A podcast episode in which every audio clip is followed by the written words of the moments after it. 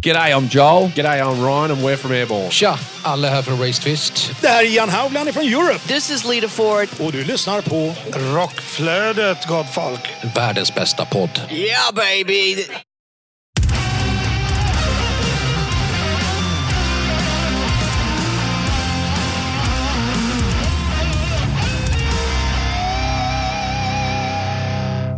Välkommen till Rockflödet, en podd för dig som vill ha full koll på det senaste inom rockvärlden. Utöver nyheter dyker det upp heta intervjuer och tunga tips om aktuella band. Och ni lyssnar på mig, Kåre Duett från podcasten Hårdrock för fan. Och nu så ska vi ta och lyssna på en intervju i sin helhet som vi gjorde med John Corabi. Ni har tidigare hört den i ett eh, litet urklipp och nu så får ni då ta del av hela intervjun. Så enjoy!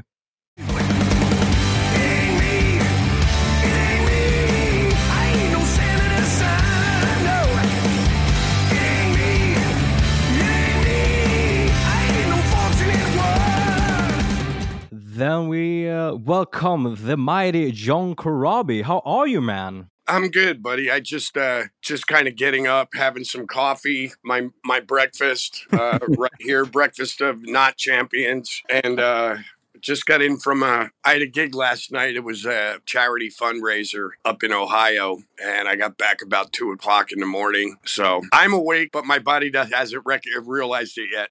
Yeah, it's like uh, back in the old days, staying up late and the rock and roll lifestyle. We're here to talk a little bit of the about the Dead Daisies. I mean, you're back in the band. Uh, how does it feel, and what can you tell me about uh, stepping into the band again?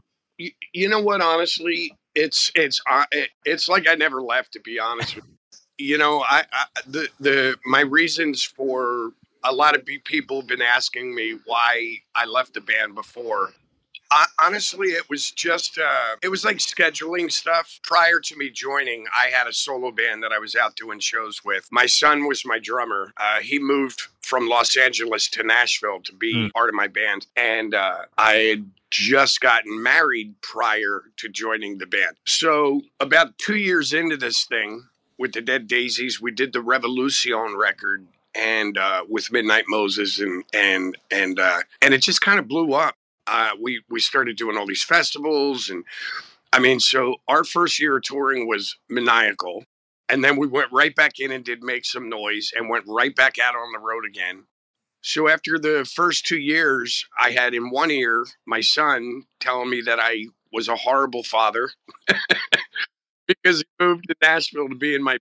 Now he's like, I don't even, I don't even fucking see you.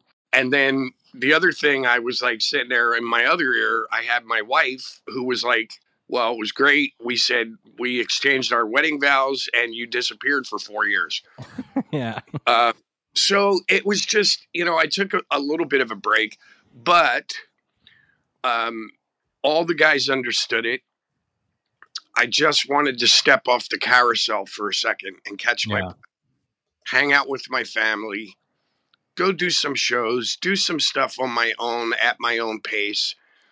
And but the entire time I was still in contact with David Lowy, Doug Aldrich, uh, you know, then it was Deen Castronovos. I was talking to all those guys. And I know it, even at one point they were getting ready to go out on tour with Glenn, and Glenn got sick and he couldn't do the rehearsals.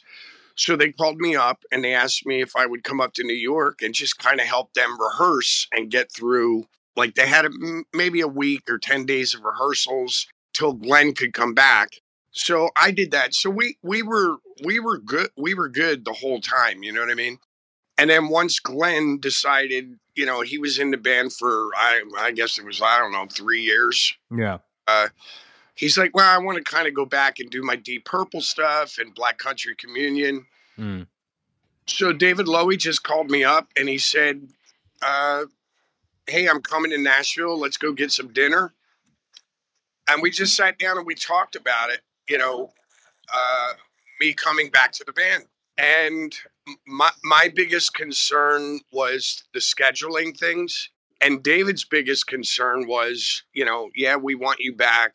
But he's, you know, he he put it into perspective. He said, you know what, I I did this thing because I've always been you know, for lack of a better term, uh, I've always loved music. I've always played guitar. I've always written songs. Obviously, we know David's story. He's a very successful businessman. Mm. But he goes, I put this together to get out there, kick ass, and have fun. And he goes, even when you were in the band, like God, like the Burn It Down record, by the time we finished that tour, everybody, the crew, all the band members, management, we were all so burnt out. Yeah. David said, I want you to come back, but I want to do it in a manner where we're having fun and we're not getting, uh, we're not overworking ourselves to the point of burn burnout. You know what I mean?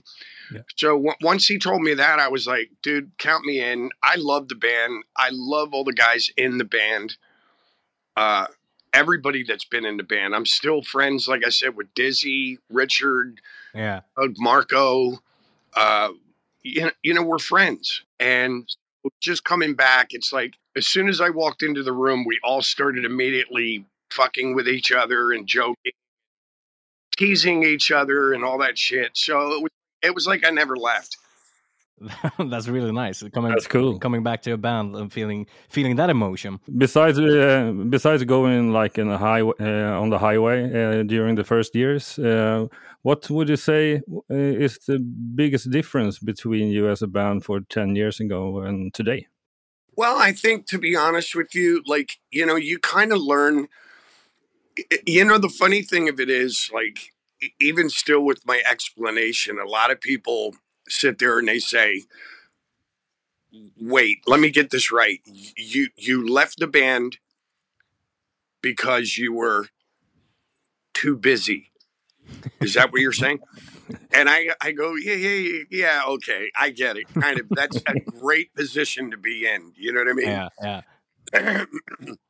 but it can really wear on people. I remember, you know, when you look at bands like God, I, I mean, uh, what was it, Metallica with the Black Album? I mean, by the time they were done touring, they were Yeah. like ready for the insane asylum. Yeah. For sure. So, yeah. you know, That's I true. think the thing that we've all learned in the last 10 years is, you know, do the best we can, write the best music we can, go out and kick ass the best that we can. But we've kind of figured out now, like, you know what? We're not 22 years old anymore. Have, go out and have some fun, kick ass, give the audience their money's worth. Uh, you know, but do it that's not detrimental to anybody's health or sanity. You know what I mean?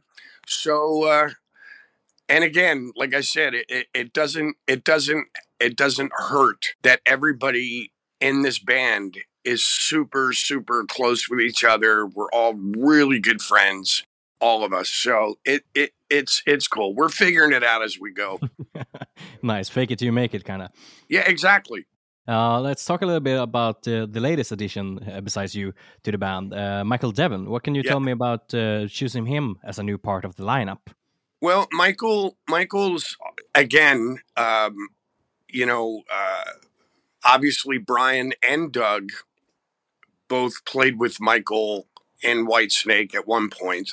Then they had a little side thing that they were doing uh, when they weren't working with Whitesnake. They had a band called Steamroller that they they did a lot of shows with. So Mi- Michael was very very close with you know, actually all of us. And then I, I have a funny story with Michael. I've known Michael since probably mm, 1999, 2000. Uh, and I, I have fun with Michael on stage about it.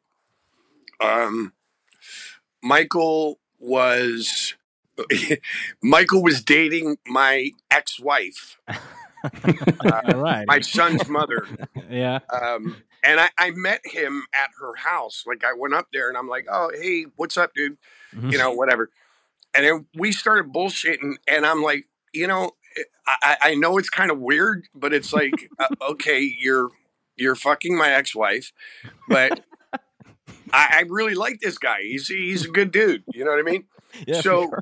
we became friends and at one point um michael michael needed you know to work he was whatever he i, I don't I, I can't remember what the deal was but i realized he could play and at one point i was you know it was when i was playing guitar with Ratt uh robbie crane and i needed a bass and guitar tech. So we hired Michael. He came out and he, Mm. you know, did a tour with us. And then um, I talked to him about. I, I'm sorry, this is kind of all over the place. no, I love it. Um, but Brian Tichy also had a band called Ball for a little Okay. bit. And I suggested to Brian, like, hey, this guy that my ex wife is dating Yeah. is a really good bass player. You should check him out. And he wound up getting into the ball gig and doing ball. And then he got Whitesnake. And, you know, Michael's done a million things now. So Mm. bringing Michael into this was, you know, Marco, Marco couldn't do it. So uh, it was kind of a no brainer. You know what I mean? Again, like all the guys in the band knew him. David even knew Michael from when the Daisies toured with Whitesnake in Mm. 2015. So we were all very good friends. Obviously, he looks cool, he sings his ass off, and he's a great bass player. So it was kind of a no brainer. Bring another friend into the into the this this this circus that we call the Dead Daisies. yeah, absolutely.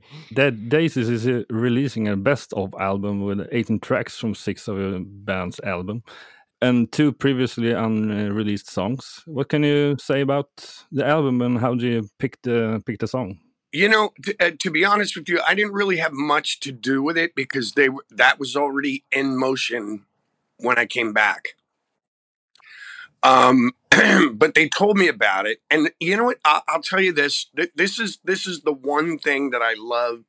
First of all, I love all the songs on the record, obviously, but the thing that I love about the record, it's uh, you know, it, it's it's basically a ten year marker saying, hey, you know, we've been around now for 10 years. Thank you for your support. Here's what we've done so far. The best is yet to come. But the thing that I love about the record, if I can use my wife as an example, um, sure. she was very familiar with the things that I had done with the band, obviously, Mm. but she had zero knowledge about Jon Stevens and Glenn Hughes. Okay. So I explained everything to her. I gave her a little history lesson on Jon Stevens, Glenn Hughes, Mm. and then we played the record. And now, after her hearing the record, she's like, wow, those other two guys are great singers. So I think the coolest thing about this this best of record is if there's any fans out there that maybe came into the Dead Daisies. Maybe uh, at the time they came in, they were Jon Stevens fans. Maybe they were Glenn Hughes fans. They're going to become uh, more familiar with the other two singers, whoever, whatever, whatever it may be. Whether For you were sure. John Corabi fan, Glenn Hughes, John Yeah. Stevens, you're going to become aware of the other two singers. And now my wife is like, "Oh my god, I really love that song "Bustle and Flow" from Glenn." Or Yeah. one of her favorite songs on the the whole record is a song that Jon Stevens did. It's called "Miles in Front of Me." She's like, "What a great mm-hmm. singer!" So that's what I like about it. I think it'll inform people on the other two guys, whoever Yeah. whoever their favorite was. They'll it, it'll inform them on the other two singers. So it's I'm excited yeah, about for it. sure. I mean, it's a cool concept. Yeah, that's really nice. Uh, at this moment, I mean, I, I can imagine it changes from day to day. But uh, what track do you think is the most fun to play right now from that catalog? Um, you know, I, I got to be honest with you. I think you know, not to blow smoke up my own ass. I, I love, I, love- I love the stuff that I did with the band, but Yeah. I, I think right now, like, like in the live setting, like, you know, the ones that I, I really love doing, and I, I love look, I look forward to doing it. That is miles in front of me from Jon Stevens era, and um. I love Bustle and Flow, and then we're, we uh, we uh, do Born to Fly as well. Oh, yeah, okay, so okay. I love doing those songs, and and uh, you know it, the reaction so far has been great. Obviously, Glenn Hughes, I love the man to death. He's a freak of nature. you know what? I, I took the songs, I brought them home with no vocals, Yeah. and then I had Glenn's, obviously, his melody. And in the spots where Glenn does his thing that's just inhuman or unhuman, yeah. I just kind of changed it and made it a little bluesier and kept it in my range. So Yeah. it's it's been fun. I love singing those three songs. It's been cool. Uh, well, going forward, you're bringing your Resurrected tour to Europe in uh, November and December. And, uh, well, like we talked about, you're going to play songs from the best of Yeah. album. Uh, how does it feel to like go back on the road and especially go back uh, to Europe to play some shows? Uh, you know, I'm looking forward to it. Uh, we just did a bunch of shows here in the states, and well, not many on the East Coast. Uh, but we did a few shows on the East Coast and the West Coast, and we did Canada. And I got to be honest with you, man, it was like it was packed every night. We had a great turnout, and the audience just really embraced what we were doing. Um, so I'm looking forward to it. Oh, Europe, Europe, the UK, Japan, um, just outside of America has really embraced Yeah. the band from the beginning. Uh, so I'm obviously looking forward to coming back and and uh, seeing some old faces and old friends again, and getting out there. And obviously, I love I love going to you know Italy and the food wine Yeah. and France, Germany, and you know it's going to be a lot of fun. You're also bringing Spike uh, from the Quireboys on the tour. What can you tell uh, us about this? How how uh, come he's to joining this tour? Well, I, I can tell you we're not just bringing Spike, we're also bringing bail money Oh, in case we have issues with the police. But whatever. Um, Ah, Listen, exciting. li- Spike and I, and and I'm sure. I think he. I think. Uh, I think Spike toured with the Daisies before with the Quireboys. But if you know Spike, you know that he's a character. He's I call him the Yeah, sure. you know the last of the English pirates.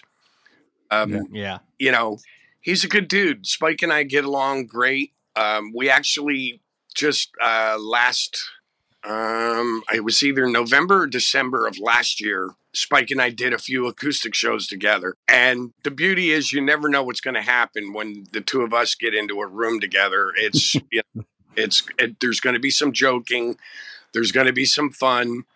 Um, and I just love his voice, dude. He's got a one of a kind voice. He's a he's a lot of fun to hang out with. So you know, it's going to be a blast. Exciting. Looking forward to it. Talking about the tour, I've read that uh, you guys will be playing Slide It In in the set list, since, of course, you have a few members that have played in Whitesnake. But uh, how did your thoughts go on when you decided to lift in this cover on this tour? You know, it's funny. We've always done cover songs. Uh, Yeah. You know, we've you know in the past we've done, you know, Midnight Moses. We've done Skelter, Yeah. Joined Together, Fortunate Son. You know, these are all songs that we grew up listening to, and uh, you know, kind of a tip of the hat to our roots. Um, Yeah. obviously David Coverdale, we toured with David. Uh, he's a great guy. There's a lot of admiration there for David on all the guys that were in Whitesnake. And it was Yeah. kind of a fluke. We were at rehearsal and um, I, I don't I don't even remember if it was David or Doug, but they just started playing the song, goofing off, you know what I mean? Like in Yeah. between songs or whatever, we're talking and Mm. rapping and so somebody started playing the song and um, I didn't know all the words for the song. Michael was goofing I'm off. sure. He was singing some of it. And then I was singing on the choruses. And I was like, you know what? Like, this is co- kind of cool. Our manager heard us doing it. And they're like, you know what, dude? Fuck, it's great. Everybody recognizes it. And it's funny the way we do it. Michael and I trade off on the vocals back and forth. And then we all Yeah. do the chorus together with the audience. So we're like, fuck it. Let's leave it in the set and do it. It sounds like a fun, like, you know, live tune. Yeah, you know what, dude? That's the thing. Like David said it in the beginning. He goes, I want to bring the fun back. He goes, I think we lost sight. We were so busy. And again, I can't reiterate it, whatever, but like we we were kicking ass. We were busier than shit, but we were so focused on being busy that we forgot to have fun. So, you know, now we're like, all right, you know what? If you want to do slide it in, let's do slide it in. Let's have some fucking fun with it. And and again, the audience, it's it's funny. I, I you know, I stand on stage and I get to look out at the audience and I can see that everybody is singing the chorus of that song. You, you, you can't not sing the chorus. It's so awesome. So we're like, fuck it, let's throw it in a set and have some fun with it. Give the audience, you know, give the audience one last, you know, group group chant before we take off. Amazing. Well, uh, have there been any talks about lifting in other kind of like cover material? I'm thinking, for example, from the best Motley Crue album that was made with you, for example, or like bands like Scream or Union or something like that. No, you know what? Okay. Um, I get these people that call me and try to sell me like dish detergent and, you know, foot powder. And you're like, dude, seriously, fuck off. Yeah. Anyway, um, no, the, you know, the thing of it is, like, I personally feel like the dead daisies are the dead daisies and that stuff uh even though it's part of my history leave that stuff over there. When i go do my solo shows i can play those songs. Uh you know let's just i, I just want to focus on the dead daisies i, I don't really I, I i don't feel like uh I, I don't know hearing hooligans holiday or man in the moon with the dead daisies plus you start thinking about all the things Brian's been involved in and Michael's been involved in and Doug's been involved in, then you got to start adding other things from, uh, you know, in all fairness, I wouldn't want to do any of my stuff because then we got to add Doug's and Brian's and Michael's. We're like, leave that stuff off to the side. Let's just focus on the daisies. And if people want to hear it, then when John Corabi goes out and does his solo shows, you know, come and hear it then. Regarding the European uh, tour, you are go- coming to Sweden on the 17th of November and Gothenburg, more specific. Um, how is your relationship to Sweden? You know what? I love Sweden. Um, I've had a uh, I've had a very good time in I, not just Sweden, like all the Scandinavian countries. They really embraced. Unfortunately, with the Scream and Motley, I was never given the opportunity to go to any of those places. But once we did Union, Kiss Army Sweden, and Norway, basically brought us over to do some, I guess, Kiss conventions.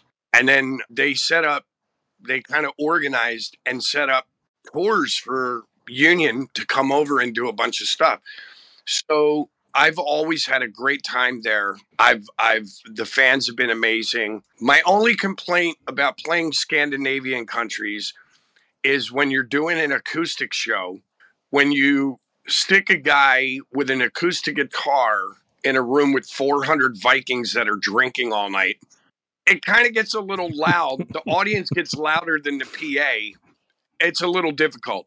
But other than that, I love the Pyttipanna. I'm ready to go. I love coming over and and and you know just having fun in the Scandinavian countries. So much so that I actually married a Viking from Denmark. So, yes, my my wife is Danish.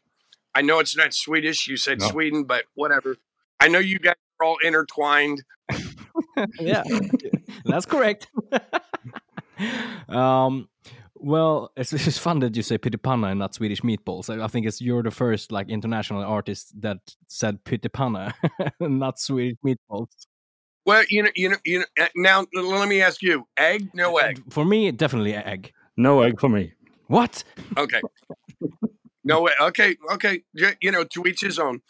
But it's funny. My first, my first time there, there was a there was a few things that I I learned about the cuisine in Scandinavia. So I get I get to uh, I get to Sweden, and somebody goes, "Hey, you should try the pyttipanna," and I go, "What? What? Say that? Can you say that in English, please?" And they're like, "Oh, pyttipanna. It's uh, you know." And I tried it, and I'm like, "Oh shit, this is fucking great. It's awesome."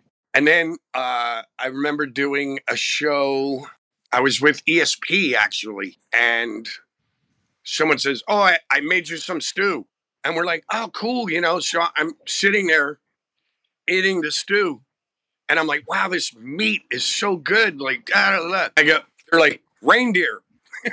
Go, Yeah. and then and then and then it was funny. I was telling my wife, I said, I think the first time I ever heard somebody drink a vodka Red Bull was in in uh, Scandinavia. Yeah. I think you guys were well way ahead of the curve globally Yeah, for sure. on the vodka Red Bull. Ah, Yeah, absolutely. Yeah, it was it was uh yeah, yeah, yeah. I remember I remember there was a couple of very large Viking men that wanted I think they wanted they they, they had way too much vodka Red Bull. and I, I think I'm not sure, but I think they wanted to have prison sex with me, but I'm I, I could be wrong. I, I whatever. So Well, you you guys were way ahead of the curve for the rest of the world.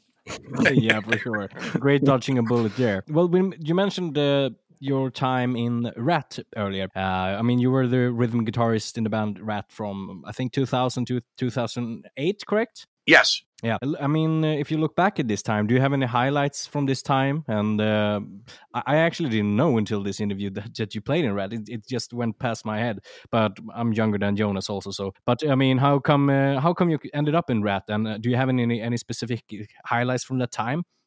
Yeah, I mean, it was, you know, uh, look, uh, playing with somebody like, you know, Warren DeMartini Yeah. is, is always a pleasure. Um, but we had, um, I had a great time with the guys. I knew them Mm. from my time with Motley. It was funny. I went to a place in LA and they, I didn't realize Stephen had left the band, but I, I ran into Bobby Blotzer and he goes, uh, "Hey, dude, we're looking for a singer. Would you would you be interested?" And I just, you know, I mind you, I had just done, you know, Motley. Yeah, I mean, I was in Union, but I had just done Motley, and I go, "Nope, not interested. Forget about it. I bought that shirt with Motley Crue." I'm not interested. So I was talking to Robbie Crane a couple days later, and I said, "Oh yeah, Bobby talked to me about joining the band. He said, "Oh, it would have been great." I said, "Nah, man, I, I don't want to do it." And then while we were talking, he said, "Yeah, we're looking for a guitar player as well." So I just said, "Well, you know, I can do that. I'd be fine with yeah, just for a minute, you know, playing guitar and singing backing vocals." And you know, so I went up. Warren called me and he said, "Learn the harmony solo on um, Round and Round," and then just come over to my house. And all he wanted to do was, if I could sit down and play the harmony solo with him, he was like, "I." So I played it with him, yeah, and he goes, "All right, you're in. That's fine." And he he was just lis- he was just thinking like, I could play guitar, and then sing backing vocals. Mm. It would bolster the backing vocals because you you know with me and Robbie Crane, it was it was you know backing vocals were pretty pretty stout. yeah, So, um, you know, being in that band, it was a lot of fun. I kind of, it was weird. I kind of did it in the beginning just to hi- help them get through a tour. yeah, And I was having so much fun. I was like, ah, fuck it. I'm just going to hang here for a while and, and just, you know, have fun. But, um, I remember we did the, uh, we did the Swedish rock festival a couple times. And then, um, we actually did a tour of Scandinavia with it was Alice Cooper, Dio, and Ratt. Yeah. And that was um maybe 2001, 2002 and we had a fucking blast on that tour. It was insanity the entire time. Um we were in Umeå and yeah, we had an after party at a club in Umeå, and I got into a fist fight with the bouncer, and then both bands jumped in, and it was like all three bands were fighting all the bouncers and and a thing, and then somebody fired a gun in the air, and we all ran. Just the whole trip was insanity. It was awesome.